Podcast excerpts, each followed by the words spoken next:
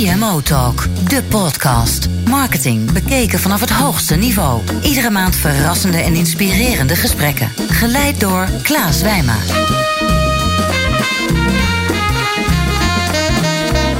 Welkom bij eh, CMO Talk, luisteraars. Leuk dat jullie weer ingeschakeld staan op CMO Talk. Ik ben Klaas Wijma van Energize en ik heb vandaag als gast Maureen Baas, Marketing Director bij Nespresso. Nespresso Nederland. Maureen, eh, van harte welkom in de studio. Ben je een beetje droog gebleven op weg naar de studio? Want het is echt herfst, hè? Ja, ja, ja, de herfst is begonnen. Ik had een barbecue gepland voor vanavond. Maar die hebben we afgebeld. Die heb je Ja. afgebeld. Andere plannen nu? Ja hoor, we doen het knus binnen. Is ook gezellig. Met een Ja. lekker kopje koffie. Goed, die moest ik even maken. CMO Talk, aangeboden door Tijdschrift voor Marketing en Adobe. Discussieer mee op hashtag CMO Talk. We gaan beginnen. Hoe zou je jezelf omschrijven voor de luisteraar? Ja, ehm, dat is meteen eigenlijk een soort hele confronterende vraag.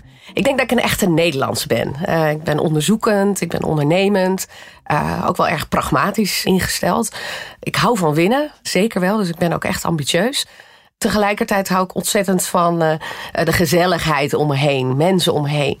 Zowel op het werk eh, met collega's, team om me heen, eh, maar ook thuis met familie en vrienden. En eigenlijk haal ik de meeste lol ook uit het echt samenwerken met mensen en het samen zijn met mensen om me heen. Mooi, we gaan het in het interview daar ook uitgebreid over hebben. Ook over die onderzoekende kant. Ja, Eh, uiteraard staan we stil bij George Clooney. Aha. En zijn belangrijke rol voor Nespresso. Ook natuurlijk over de toekomst van retail. Want daar zijn jullie ook heel erg eh, actief op dat gebied. Natuurlijk omnichannel. Maar jullie openen ook nog boutiques. Dus volgens mij wordt het een, eh, een leuk gesprek. Je werkt nu bijna vijf jaar voor Nespresso. En daarvoor bij een aantal andere mooie multinationals. Philips, L'Oréal. Ehm, in hoeverre is jouw carrière heel erg bewust gepland? Heb je er heel erg goed over nagedacht welke stappen je, je zou gaan maken? eigenlijk echt gepland is het niet. Ik ben gezond, eh, ambitieus, dus ik denk er zeker wel over na. Alleen op een gegeven moment merk je gewoon wat je leuk vindt. Eh, ik ben economie gaan studeren, heb daar de marketingkant ontdekt. Eh, ontdekte ook bij mijn eerste baan, zelfs nog voor L'Oréal, dat ik het ontzettend leuk vond om met consumenten bezig te zijn, te communiceren, te overtuigen, te begrijpen wat ze echt enthousiast maakt eh, qua beleving. En ja, langzamerhand ga je dan op zoek naar plekken waar je daar veel meer mee bezig kunt zijn. Ja. Ik ontdekte ook heel erg dat ik het leuk vind om hele nieuwe dingen op te zetten, te bouwen, eh, verandering te zien van de dingen die je doet. Dan vormt zich een pad inderdaad. En dan, eh, ja, dan kies je eigenlijk dus bewust op een gegeven moment voor Philips. Hoe kwam dat zo op je pad? Ja, nou ja, ik, ik zat inmiddels al 6,5 jaar bij L'Oréal. Een hele leuke tijd gehad. Maar natuurlijk een lokale marktorganisatie. En ik was heel nieuwsgierig naar het begin van het hele traject. Dus ik wilde veel meer leren van de strategische kant, positionering, segmentatie. Dan is Philips ook een prachtig merk met een hoofdkantoor in Nederland, waardoor het een hele makkelijke overstap was om ook eens aan die internationale kant daadwerkelijk te gaan werken. Ja. En ik kwam uit de beauty business. Ze zochten bij Philips iemand op skincare. Eh, dus het was eigenlijk een hele relevante overstap van het uh, van L'Oréal naar, uh, Het cosmetische, maar toch ook Ja. wel weer skincare. Want Ja. was jij verantwoordelijk ook voor Vitalite, dat product? eh, Dat heb ik inderdaad daarna nog kort even gedaan. Dus uh, daarmee een aantal uh, ja, hele mooie, innoverende uh, producten gedaan.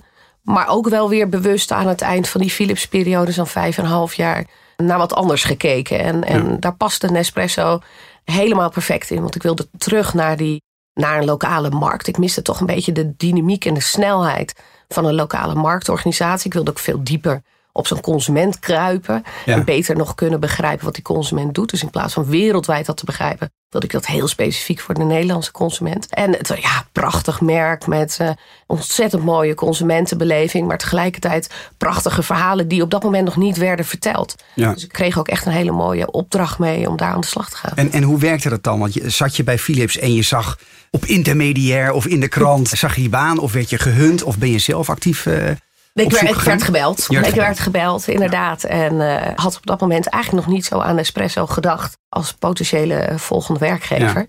Ja. Uh, maar werd eigenlijk direct enthousiast. En, en hoe ging dat dan, het eerste gesprek? Je ging op gesprek, weet je? Ja, ja, ja. Dat ging inmiddels vijf jaar geleden. Ja, dat is uh, ruim vijf jaar geleden, dat ja. eerste gesprek. Heel verkennend en best spannend. Want ik, hmm. ik vond wel wat van dat merk. Heel veel hmm. positieve dingen.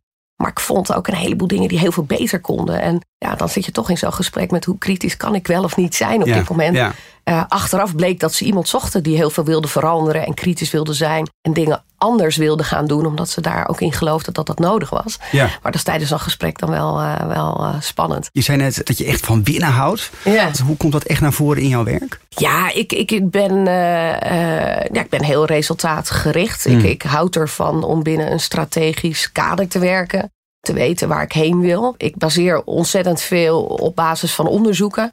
Uh, dus uh, ja, dat geeft me ook, ook richting. En daardoor ben ik heel overtuigd uh, van wat we met z'n allen moeten doen. En dat zorgt er dan ook wel voor dat ik dat resultaat ook wel echt wil behalen. Ik geloof dat dat ook iets is uh, wat van vroeger komt, dat win. Ik ben opgegroeid in een klein dorpje ja, onder Amsterdam. Ja, onder de rook van. Ja, onder de rook ja. van Amsterdam. Echt een dorp. Ik woon er trouwens Uithoorn. nu. Uithoorn. Ja, Ja. ik woon er nu trouwens nog steeds. Dus uh, eigenlijk in een vrij eenvoudig gezin met een Mhm. hardwerkende vader. Een moeder die de traditionele zorgrol op haar nam. En in onze hele familie werd eigenlijk niet zo gewerkt aan carrières. Of er werd niet gestudeerd. En ja, misschien vanwege die eigenschappen die ik eerder noemde. Doe je het dan nu echt dat, dat winnen voor jezelf? Of ook toch nog wel voor je ouders of voor je familie? Speelt het nog steeds mee? Of? Nou, nee, het is nu echt meer gewoon voor mezelf. En uh, ja, tuurlijk, zeker als je wat jonger bent, dan heb je het idee dat je je misschien nog wat meer moet bewijzen. Inmiddels weet je ook gewoon waar je heel goed in bent en waar je misschien wat minder goed in bent. En uh, voel je er veel comfortabeler. Ja. Als we even kijken naar de cultuur, hè, want je, even terug naar jouw carrièrepad. Want je begon dus bij, bij L'Oréal, Philips, Nespresso, Zwitsers bedrijf.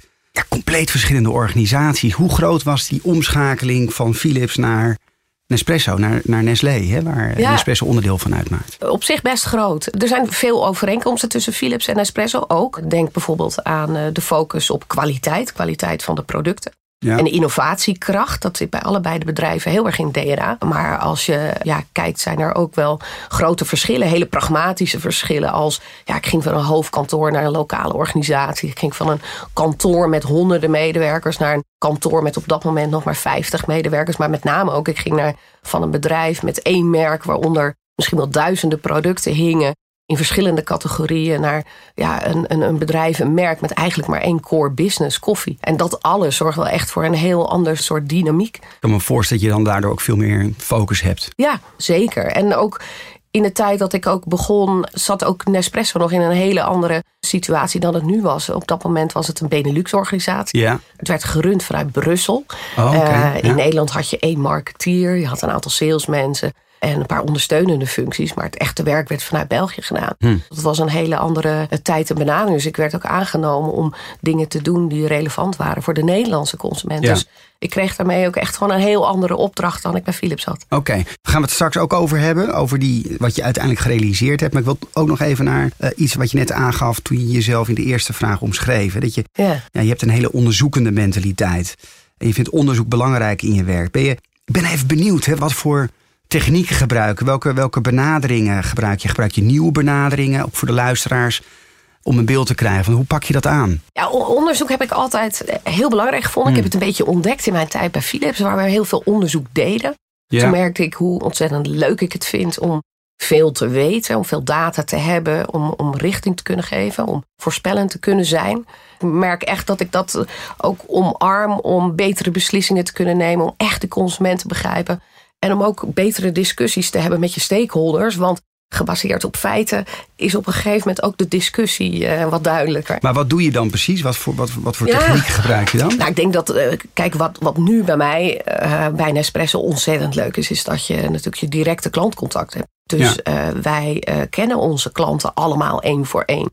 In de database. In de database. Ja, ja we weten uh, wat ze kopen, hoe vaak ze kopen, Hmm. van welke koffies ze houden, of ze geïnteresseerd zijn in limited editions. Dus we hebben heel veel data waarmee we aan de slag kunnen. En dat Ja. combineren we ook heel erg graag met andere databronnen. Van consumentenonderzoek, marktonderzoek, informatie over de concurrent. Maar dan denk ik, oh, dan heb je zo'n berg aan data. Ja, ja, ja. Hoe, hoe zie je door de boom het bos? Ja. Hoe hou je het dan nog echt persoonlijk? Ik heb sowieso een heel slim team dat gewoon heel goed is in het combineren van die Ja. databronnen. Maar zijn het dan econometristen of, of, of data? Ja, voor een deel wel. Het zijn echt Mm. mensen inderdaad die soms statistische studies hebben. Eh, of die in ieder geval tijdens een studie die interesse hebben ontwikkeld. Eh, Ja. eh, maar zeker ook mensen die het verband weer kunnen leggen naar... ja, maar wat betekent dit nu? En dat is wel heel erg belangrijk inderdaad... om van al die data dan ook wel daadwerkelijk weer concrete punten te maken waar je mee aan de slag kan gaan. Want dat, volgens mij, nou raak je een heel interessant punt. Hè? Want eh, het raakt natuurlijk ook big data. En het wordt ook wel weer small data genoemd, want je moet daar segmenten uithalen. Maar voor de luisteraar zeggen van ja, ik heb ook heel veel data, maar ik heb zoveel data, hoor ik ook vaak omheen dat mensen niet eens weten waar ze moeten beginnen. Heb jij met jouw voorliefde voor Martons, heb je een aantal tips om hoe, hoe moet je dan beginnen in die enorme database? Hoe hou je daar de juiste inzicht uit? We zetten sowieso altijd de klant centraal. Dus we proberen het echt vanuit klantsegmenten te bekijken. En uh, beginnen op het hoogste niveau. Hoe hmm. ontwikkelt eigenlijk onze omzet zich? En welke parameters daaronder uh, zorgen nou voor die groei in die omzet, voor die verschillen? Hoe hmm. ontwikkelen die zich? En al naar gelang waar we bepaalde dingen zien gebeuren, gaan we er, er dieper in en duiken we er verder in. En we pakken regelmatig onderwerpen aan. En dan denken we, ja, joh, laten we nu eens kijken aan onze acquisitiekant, het winnen van nieuwe klanten. Wat we daar weten, wat hebben we geleerd van alle activiteiten die we op dat gebied doen. Uh, kunnen we die naast elkaar zetten? Weten we wat beter werkt? En het mooie is dat wij dus niet alleen kunnen kijken van ja, wat heeft beter geconverteerd. Maar we kunnen ook zien van ja, maar wat heeft op lange termijn geleid tot klanten die loyaal zijn, klanten die het naar hun zin hebben bij ons. En dat maakt het ontzettend mooi. Van praktische tips tot visie. Dit is CMO Talk. We gaan naar de eerste stelling, uh, Marine. Ja. PowerPoint of Excel? PowerPoint, omdat ik, uh, ik hou wel echt heel erg van creëren. Van mooie dingen creëren. En ik heb het gevoel dat je zelfs in PowerPoint vaak mooie dingen kunt maken. Maar ik zet er dan wel graag wat data in, als dat dan toch mag. Ben je dan echt het type van zoveel mogelijk op één slide? Of nee, nee, nee, van de grote platen? Een, een mooi, mooi visueel. Want ik vind uiteindelijk, PowerPoint moet alleen ondersteunend zijn. Dus ik zet er zo min mogelijk op. En ik doe gewoon lekker het woord erbij. Ik had je anders ingeschat. Ah, mooi. Ja, ja. ik, had, ik, had, toch gedacht van nou, als, als zo'n, als zo'n ja, uh, met, met, die voorliefde van Martin, ben je echt een Excel-beest. Oh, nee. ik ben heel visueel ingesteld. Ja. Uh, mijn, mijn grootste hobby is ook fotografie. Dus ik, oh, ik ben echt heel, ja, ik hou oh. heel erg van het visuele. En, en, en, heb je een bepaalde, hè, ben je gek van portretten? Of, of heb je een bepaalde voorkeur uh, nou, voor fotografie? Ik, ik, vind het geweldig om het te doen als ik op reis ben. Hmm. Dus, maar dan vind ik, afhankelijk van waar ik heen ga, architectuur prachtig, maar ook portretten in inderdaad, vind ik geweldig. Ik kan beter kunnen vragen Nikon of Canon. ja, ja, ja. Mm. Dat wordt een ander gesprek. Je gaf aan dat je team gegroeid is toen je aantrad bij Nespresso. Het totale team was 50 man. Hoe ziet je team er nu uit, je marketingteam? Nou, toen ik startte zat er dus één marketeer in Nederland. En uh, ja, letterlijk maar één. Negen marketeers uh, in België, die dus uh, voor de Benelux het marketingplan ontwikkelden. maar die werkten dus op drie markten: België, Nederland, Luxemburg. Dus je kunt je wel voorstellen dat het in die tijd heel lastig was om dat relevant te maken per markt. Dus het was gewoon eigenlijk toch iets meer one size fits all. In die tijd was het ook gebruikelijker om iets meer aan adaptie te doen. Uh, dan echt hele nieuwe initiatieven neer te zetten. Dus ik werd ook aangenomen om te zorgen dat we relevant gingen worden voor de Nederlandse consument. In eerste instantie dus niet met de belofte dat ik een, een heel groot team mocht bouwen. Hmm. Uh, maar toch heel erg die uitdaging aan willen pakken. Daarnaar gekeken. En uh, uiteindelijk in de loop der tijd steeds cases weten te bouwen. Om functies te splitsen. Om eigen functies in Nederland op te starten. Ja. Uh, en elke keer waar het op dat moment het hoogst nodig was. Dus in het begin met name op communicatiekant, PR, media. Ja. De directe communicatie naar onze klant. Wat je ziet in, um, is eigenlijk waar ik een beetje naartoe wil. Ja met het marketingteam. Je hebt daar ook een aantal smaken. Je hebt er gewoon een marketingteam zeggen, nou, we focussen ons echt puur op propositieontwikkeling. En we hebben geen klassieke indeling, marketing en communicatie. Maar je hebt ook een, bijvoorbeeld een hybride model, waarbij ook steeds meer intern uh, wordt gecreëerd. Dus ook creativiteit in het team komt. Omschrijf jouw team letterlijk eens. Wie, wie zitten daar? Ja, nou, het, het, zal je in ieder geval niet verbazen dat een groot deel van het team op data werkt. Ja. Dus uh, uh, uh, dus we hebben een groep aan analisten die verantwoordelijk zijn voor eigenlijk alle databronnen die we hebben. Dat koppelen. En niet alleen terugkijken wat heeft gewerkt, maar ook heel erg bezig zijn met voorspelmodellen. Dat is echt hele nieuwe manieren uh, van met data omgaan. En die voeden eigenlijk de rest van de organisatie en het marketingteam van die insights om daar acties op te ondernemen. Ik heb een customer experience team bijvoorbeeld. Iets wat denk ik heel typisch is ook voor Nespresso, waar klantbeleving zo belangrijk is. Daar zitten bijvoorbeeld mensen in die verantwoordelijk zijn voor Nespresso en more. Uh, dat is eigenlijk een, uh, ja, dat is eigenlijk een pakket aan, uh, aan voordelen en privileges. Hmm. Dat we eigenlijk sinds begin dit jaar aan onze klanten bieden.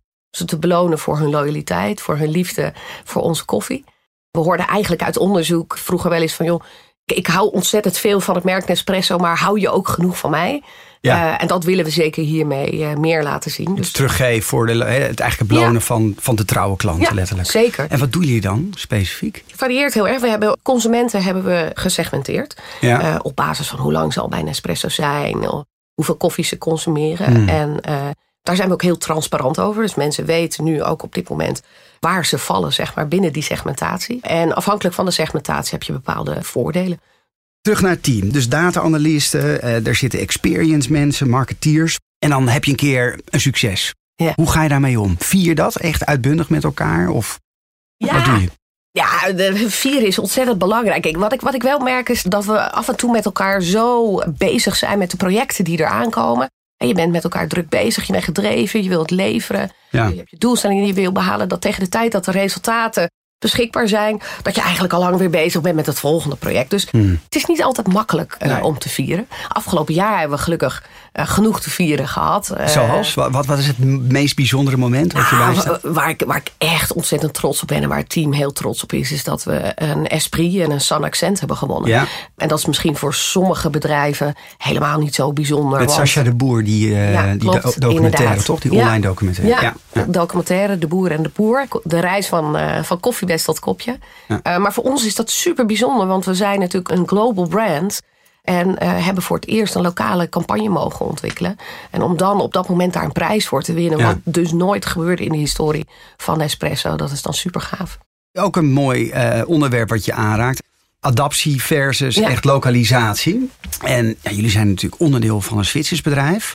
Hoe heb je het voor elkaar gekregen? Dat je gewoon in Nederland, wat natuurlijk eigenlijk een piepklein landje is. Ja. Ik weet niet hoe groot het omzetaandeel van Nespresso in de totale wereld is.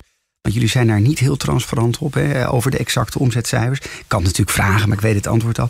Maar ehm, hoe, hoe heb je dat gedaan? Eigenlijk daar, als je weer terugkijkt, komt daar ook wel wat onderzoek aan te pas. Want we hebben, nou ja, eigenlijk eh, nadat ik eh, gestart ben bij Nespresso, hebben we best wel veel tijd gespendeerd aan het leren kennen van onze consumenten, segmenteren, begrijpen wat ze motiveert. En daar bleek al snel uit dat de Nederlander heel erg geïnteresseerd is in het verhaal achter de koffie. Waar komt het vandaan? Hoe wordt het gemaakt? Wat bepaalt de smaak? En dat waren verhalen die Nespresso op dat moment nog helemaal niet vertelde. Eh, het hoofdkantoor leverde op dat moment nog met name de campagnes met George Clooney aan. Ja, Prachtige campagnes, Ja. die het ook nog steeds heel erg goed ja dat doen. doe nog steeds goed. Ja, echt. Mensen zijn daar nog super enthousiast over. Vraag ook wanneer de nieuwste campagne komt. Maar die gelaagdheid en dat, dat, dat verhaal achter de koffie, het Ja. verhaal van de, de boeren die met veel liefde die koffie verbouwen, dat wilde die Nederlander wel weten, maar dat zat nog niet in dat internationale pakket. En daar Ja. zijn we toen mee aan de slag gegaan. Eerst voorzichtig, want er was ook wat scepticisme Ja. op het hoofdkantoor. Want Ja. als iedereen lokaal wat gaat maken, dan kan het soms ook best wel Verlies je lastig zijn. Ja. Ja. Dus we zijn klein begonnen, steeds weer laten zien dat het werkte, dat het goed werkte op het merk. Hè, dat het niet een tegenstelling was versus premium lifestyle, waar Nespresso ook voor staat. Ja. Eh, maar dat het juist mooi complementair is en het merk bouwt. En langzamerhand groeide dat uit totdat we eigenlijk genoeg bewijsvoering hadden. En mensen ons eh, ja, de sleutels gaven en zeiden: ga het maar doen. Eigenlijk tip voor de luisteraars, wat die ik eruit distilleer, maar eh, Ja. corrigeer me if I'm wrong. Hè. Begin klein, Ja. meet het succes, hè, rapporteer dat, wees daar open in en bouw dan, bouw dan door. Dat, dat is Zeker, wel de aanpak die jij die je gebruikt. Waar meet je dan concreet op als het succesvol is? Gaat het dan om verkopen of gaat het dan om brand metrics? Of... In dit geval ging het echt inderdaad eh, puur om branding. Mm. Eh, dus we meten in het algemeen eh, brand equity. Eh, maar hebben ook een aantal brand statements geformuleerd. Die we continu meten, waardoor we elke keer zien hoe we op bepaalde statements ons ontwikkelen. Ja. Eh, en dat varieert tussen, eh, zijn we nog, worden we nog steeds gezien als innovatief. eh, maar ook worden we gezien als het hoogste kwaliteit koffie Hmm. merk. eh, of zijn we wel duurzaam genoeg? Ja. Dat zijn een aantal hele belangrijke metrics voor ons. Die duurzaamheid komen we straks ook nog op terug. Maar ik wil naar de tweede stelling, want we Ja. doen altijd in C-Mode ook een aantal stellingen. Adaptie van mondiale reclame is de doodsteek van marketing. Ja, ik, ik denk dat het hier heel erg gaat om relevantie. Want voor veel organisaties werkt het prima om mooie internationale campagnes te hebben eh, die het perfect doen in jouw lokale markt. Dus oneens. Eh, ja, ja, het is niet per definitie de, de doodsteek, nee. Maar je moet het wel scherp in de gaten blijven houden. Gewoon heel goed begrijpen wat het doet met jouw consument. Ja. Uh, en dat kan ook in ons geval soms betekenen dat wat we van ons hoofdkantoor krijgen, dat we dat uh, heel groot maken, omdat we denken dat het heel relevant is voor de Nederlander. En soms wat klein houden, omdat we het niet zien. En misschien aanvullen met lokale campagnes of lokale elementen. Om het daarmee weer helemaal uh, spot on te maken. Kun je nog een voorbeeld geven waar je nu mee bezig bent, waar dat heel mooi tot uiting komt? Die combinatie van lokaal en mondiaal. Ja, nou ja, ik, ik denk dat dat een voorbeeld ook wel is van die communicatie rondom het koffieverhaal. Hmm. Waar ook ons hoofdkantoor inmiddels met veel meer campagnematerialen, dingen komt, uh, waarmee we het verhaal van de koffieboeren kunnen vertellen. En hoe heb je dat gedaan dan? Vertel eens, wat, voor de mensen die het Ja. niet kennen. Ik kan Ja. daar iets kort over vertellen. Wat we proberen te doen is Ja. om nog steeds dan internationale platformen eh, te pakken, Hmm. maar daar lokale content in te zetten. En wat voor content dan? nog meer verhalen eh, over bijvoorbeeld de koffie. Of wat we bijvoorbeeld hebben gedaan in het verleden met de campagne met Sascha de Boer, is zorgen dat het zich wel integreert eh, in ons online platform. Dat het wel eh, weer heel duidelijk zichtbaar is, ook op de plekken waar je de rest van Espresso ziet. Eh, zodat het daarmee een mooie rode draad vormt, in plaats van dat het in één keer uit het niets komt vallen. Dus Sascha ging eigenlijk als documentaire maken. Want zij is volgens mij ook zelf fotograaf. Ja, toch? klopt, klopt. Ja. Dus daar lag een, lag li- Maar die ging zelf ook op zoek naar de verhalen. Die ging op zoek bij die koffieboeren om daar Ja. Ja, echt mooie, bijzondere portretten. En Nou ja, we- omdat we wisten dat het verhaal verteld moest worden. Maar Ja. we tegelijkertijd ook wisten hè, dat het op een hele authentieke manier moest. Mhm. Eh, Mensen zijn het verhaal niet gewend van espresso. We hebben besloten Sascha de Boer te vragen. Die natuurlijk aan één kant eh, kritisch en nieuwsgierig is Ja, vanwege haar journalistieke journalistiek, ja. verleden. ja. Maar tegelijkertijd nu als fotograaf heel onderzoekend is. Hmm. Eh, en die hebben we meegenomen naar Colombia en het verhaal laten ontdekken. En dat verhaal hebben we verteld door middel van documentaires. Maar bijvoorbeeld ook haar foto's die je konden zien tijdens een foto-expositie. Of bijvoorbeeld in onze boutiques. Ja. Maar ook een hele 360 ervaring. Eh, we wilden de klanten heel graag meenemen naar die koffieplantages. Want als je er eenmaal bent geweest, dan weet je helemaal eh, hoeveel liefde daarin omgaat. dan ben je hooked for life. Ja, dus, eh, dus we hebben eigenlijk geprobeerd met virtual reality glasses mensen een soort 360 ervaring te Ja. geven. Om ze echt eventjes op die koffieplantage te zetten. Dan gaan we even stilstaan bij de koffie. Hoe gaat het eigenlijk nu met, met Nespresso? Want er is de afgelopen eh, de tijd behoorlijk wat tumult geweest. Natuurlijk over het verlopen van de patenten. Ehm, eh, je ziet eh eh, Jacobs Douwe Egberts natuurlijk ook in het voorjaar bij Albert Heijn liggen met de, de aluminiumcups. Klein beetje gekopieerd, maar dat maakt niet uit, want het is succesvol. Ehm, hoe gaat het nu met jullie? Ja, het gaat heel goed. Het gaat echt goed met Nespresso. We groeien ook nog steeds. Hmm. Zowel binnen de consumentenmarkt als binnen de zakelijke markt.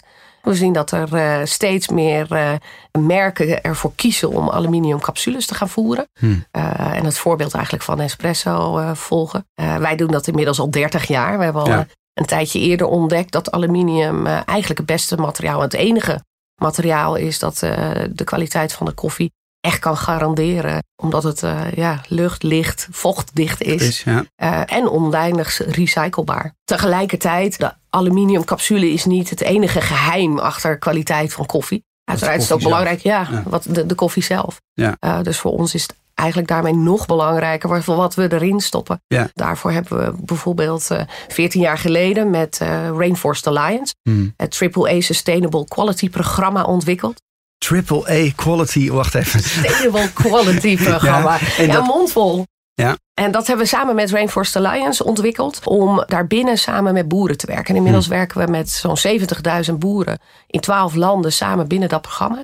En werken we met elkaar aan, eh, aan de kwaliteit van de koffie, aan duurzaamheid, maar ook aan productiviteit. Hm. En daarmee heb je eigenlijk dan een eh, win-win situatie. Wij worden tot in de, de toekomst zeg maar verzekerd van hoge kwaliteit koffie. Ja. Het is een natuurproduct, dus je moet echt met elkaar goed werken aan duurzaamheid om op lange termijn ook kwaliteit te hebben. Mhm. De boeren levert het bijvoorbeeld een hogere opbrengst op, betere levensstandaarden daarmee, betere wereld dat, voor klinkt, iedereen. dat klinkt Mooi, hè? echt als een, als een heel mooi verhaal. Ik, zag, nou, gaan we, ik wil toch, straks ga ik nog even terug naar die, eh, het verlopen van de patent. Want daar heb ik natuurlijk ook nog heel veel over te vragen. Ehm, maar als we dan toch even duurzaamheid aanraden. Ik, eh, voor het onderzoek naar, naar het interview kwam ik op een artikel van The Guardian. En dat vond ik wel een mooie kop hè, over Nestlé. Ehm, je hebt waarschijnlijk ook gezien, hè, de good, de bad en de ugly. Hè. De good is natuurlijk het verhaal wat je nu vertelt. Het trainen van de boeren. Het, ook het geven van een hoge vergoeding. eh, topkwaliteit. Nou, de bad is natuurlijk de afval van de cups, van die aluminiumcups. En de ugly, het gebrek aan transparantie over het aantal mensen... wat ook daadwerkelijk die cups recycelt. Hoe, hoe, hoe zie je dat zelf? Hoe good, bad en ugly is Nespresso? Ja, ik, ik denk dat echt oprecht heeft Nespresso duurzaamheid Hmm. helemaal geïntegreerd in de bedrijfsvoering. Want jullie Eh, claimen echt dat jullie een van de meest duurzaamste bedrijven ter wereld zijn. Ja, ja. oprecht. Ja. En dat heeft te maken met wat ik eerder zei. Hmm. Koffie is een natuurproduct. En ik denk dat iedereen regelmatig wel eens iets leest in de krant over eh, de koffieoogsten die de ene keer beter eh, of slecht zijn dan de andere keer. Je hebt natuurlijk Hmm. behoorlijk wat eh, bedreiging dankzij de klimaatveranderingen Ja. toch ook. Daar hebben ook koffieboeren last van. Dus als wij niet met ze zouden samenwerken binnen dat eh AAA-programma, dan zou ook het risico veel groter zijn dat er in de toekomst niet meer de kwaliteit koffie te vinden is die wij als Nespresso zoeken. Dus wij vinden het heel belangrijk. Ons duurzaamheidsprogramma is ook eh, heel veelomvattend. Dus ja, het begint bij de boeren. Ja, Ehm, maar volgens mij de boeren, dat heb je... Het recyclingstuk. Ja, precies. Eh, want uiteraard, dat is belangrijk. Ja. En daar merken we ook dat daar nog niet alles bekend is wat wij daadwerkelijk op dat gebied doen. Ja. Ehm, ja, aluminium aan zich is een eh, materiaal waar je voorzichtig mee om moet gaan. Ja. Het is eh, nogmaals het enige materiaal dat onze kwaliteit kan garanderen. Ja. Ehm, dus het is heel belangrijk dat we aluminium gebruiken. Het is oneindig recyclebaar. Alleen het is dus wel heel belangrijk dat het ook echt Precies. gerecycled wordt. Ja, is dat niet heel erg moeilijk? Ik kan me zo voor hoe dat het eh, complex, technologisch Ja. zeer complex is. Want je moet, die- ja, er zit nog koffieprut, koffieresidu ja. in. Dat moet je filteren. Dat moet je, hoe doe je dat? Doe je dat zelf? Heb je daar, hoe hebben jullie dat ingericht, die recycleketen? Wij investeren jaarlijks bijna een miljoen Hmm. in dit hele recyclingproces. Ja. Dus dat is ook iets wat mensen vaak Ja. niet In- weten. in Nederland, of? In Nederland. Ja. In Nederland alleen. Dus wij hebben eigenlijk sinds 2009 hebben we in Nederland een eigen recycling eh, unit. Met die zakjes die je ook bij de boutiques kan ophalen. Ja, en die recycling unit hebben we opgezet samen met recyclepartner Raymondus. En daar hebben we de capaciteit om 100% van de capsules die we verkopen ook te kunnen eh, verwerken. Dus en, we zijn er klaar voor. en dan denk ik, hoeveel procent retourneert dan eh, de cups? Ja, dat is nog veel te weinig. En Als je echt nu kijkt, is dat ongeveer 1 op de 5 consumenten brengt eh, capsules in. Ja. Dat is op zich, tuurlijk, dat is significant. Het is een, elke capsule die niet gerecycled wordt, is er één te veel. Ja. Ehm, maar het is niet voldoende. Dus Mm. er ligt bij ons nog wel een hele grote taak om het makkelijker te maken. Daarom investeren we ook heel veel in nou ja, het zo makkelijk mogelijk maken. Doordat je het in de boutique kunt inleveren. Doordat je het eh, mee kunt geven aan de pakketbezorger. We willen eigenlijk Mm. Dat ook. Ja, we willen eigenlijk dat overal waar je je capsules bij ons koopt, dat je dat daar ook je recyclezak Ja, want kunt in inleveren. Zwitserland zag ik volgens mij ook eh, natuurlijk jullie hometown of home Ja. country moet ik zeggen. Daar heb je ook aparte, op straat volgens mij, Ja. aparte plekken waar je ze kan. Is, bestaat het nog steeds? Ja, dus je hebt, hebt eh, meerdere initiatieven wereldwijd. eh, om continu eigenlijk te blijven kijken hoe het beter kan. Ook in Nederland zijn we daarmee bezig. Hè. Ook wij zijn aan het kijken. Ja, we kunnen op dit moment 100% recyclen. En je bent erg afhankelijk of mensen daadwerkelijk die capsules bij ons inleveren. Ja. Maar we zijn altijd op zoek naar andere manieren om te kijken of je niet nog makkelijker kunt scheiden met je andere afval. Van praktische tips tot visie. Dit is CMO Talk. Ik geloof dat merken menselijker moeten worden. En als we nou kijken naar een Nespresso, hè, zowel in communicatie als gedrag. Als Nespresso nou een mens zou zijn, hè, waarmee zou ik nou deze mens Nespresso het snelst op de kast kunnen krijgen? Ja, ik, ik, ik denk dat dat is eh, als je zegt dat het een eh, echt marketingmerk is. Dat hebben we in het verleden veel gehoord van consumenten ook. Eh, dat ze zeggen, ja... eh, Ik geef jullie heel veel, maar krijg weinig terug. Dat? Ja, maar, maar ook wel echt van, oh, daar zitten echt geweldige marketeers en eh, prachtige service, ja. veel innovatie, alles ziet er perfect uit. Maar het, het hart werd misschien niet altijd genoeg gevoeld en gezien. En dan heb je het eigenlijk dus weer over het koffieverhaal, de mensen erachter, duurzaamheid, dat, dat hele menselijke miste. Dus ik, ik geef je ook helemaal gelijk. Ja. Het is heel belangrijk om die, die connectie te maken. En daar zijn jullie nu eh, goede stappen in aan het Zeker, ja. Nog een persoonlijke vraag. Wat is nou, als je terugkijkt op je carrière... hè, en je hebt nu een prachtige functie bij Nespresso... wat is je grootste fout die je in je carrière hebt gemaakt? Ja, ik denk altijd, eh, mijn grootste fout eh, is dat ik ooit George Clooney heb ontmoet. En dat ik het ontzettend professioneel van mezelf vond dat ik niet met hem op de foto ging. Terwijl al mijn collega's dat wel deden. En dan later denk je, ja, het was wel heel professioneel, maar potverdorie, dat was echt een foto van mijn leven geweest. Dus Oh, mooi. dat is eigenlijk de grootste fout. En Ja, weet je, verder... eh, eh, eh, Heb je hem drie zoenen gegeven? Of ik één? heb hem wel Dus- mogen aanraken. Oh, je dus ik, heb, ik heb inderdaad een, Een week niet gegeven. gedoucht. Nee. En, en, en hij zette, zette echt zijn smile op. Of was het, Ja, ja, Hij, was, hij was echt zo leuk, ook in het echt als Nog hij steeds? voorkomt. Nog steeds, Ja. Want jullie halen hem weer uit de mottenballen en hij gaat weer in een nieuwe commercial. Nou, maar, maar, maar George is heel relevant voor ons. Mensen vinden hem ontzettend leuk. Hij spreekt mannen en vrouwen aan. En Hmm. hij is natuurlijk in zijn privéleven ook heel erg betrokken bij diverse NGO's en Hmm. duurzaamheidsinitiatieven. Dus voor ons gaat hij ook een grotere rol spelen op dat gebied. En dat maakt het ontzettend leuk. Hij zit ook in ons Sustainability Advisory Board. eh, Oh? Waar Ja. hij ook echt samen met eh, mensen van andere NGO's, bijvoorbeeld Fairtrade of Rainforest Alliance, Puur Projet, hij, hij geeft ons echt advies. Dus hij doet het ook om niet, Ja. al die campagnes. Nou, dat eh, misschien niet helemaal. Nee, dat zou mooi zijn. Laatste vraag. Welke scoop kun je nog met ons delen? Oeh, ja, dan wordt PR-manager boos die natuurlijk. Als ik hier van alles Die vertel, er nee, die is niet. er niet bij vandaag. eh. Het is een marketingpodcast, hè? Dus Ja, dat is waar. Ehm, je, je gaat zien dat, eh, ondanks dat inderdaad George niet verdwijnt, dat we eigenlijk vanaf nu eh, eh, dit najaar een grote omzwaai gaan maken richting communicatie op, op koffiegebied en op duurzaamheidsgebied. Het zal echt zichtbaar anders zijn wat je van Nespresso gaat zien omdat het ook nu niet meer alleen lokale initiatieven zijn, maar ook echt door ons hoofdkantoor wordt omarmd en er mooie campagnes, materialen, et cetera, onze kant op klinkt nog komen. wat cryptisch. Ja. Is dat, moet ik me Ja. voorstellen, George Clooney met een koffiehoed op op een tractor in Colombia? Nou, dat, nog niet, maar hij gaat wel het verhaal vertellen. Hij gaat het verhaal vertellen van een heleboel van de boeren achter het product. En eh, ja, we willen echt veel meer delen van onze koffieervaringen. En de verhalen daarachter, dus veel meer storytelling. Wanneer kunnen we hem zien? Eh, ja, dit najaar. Dit Dus najaar. Eigenlijk nu. Eigenlijk nu. Oh, spannend. Oh, wij kijken naar uit.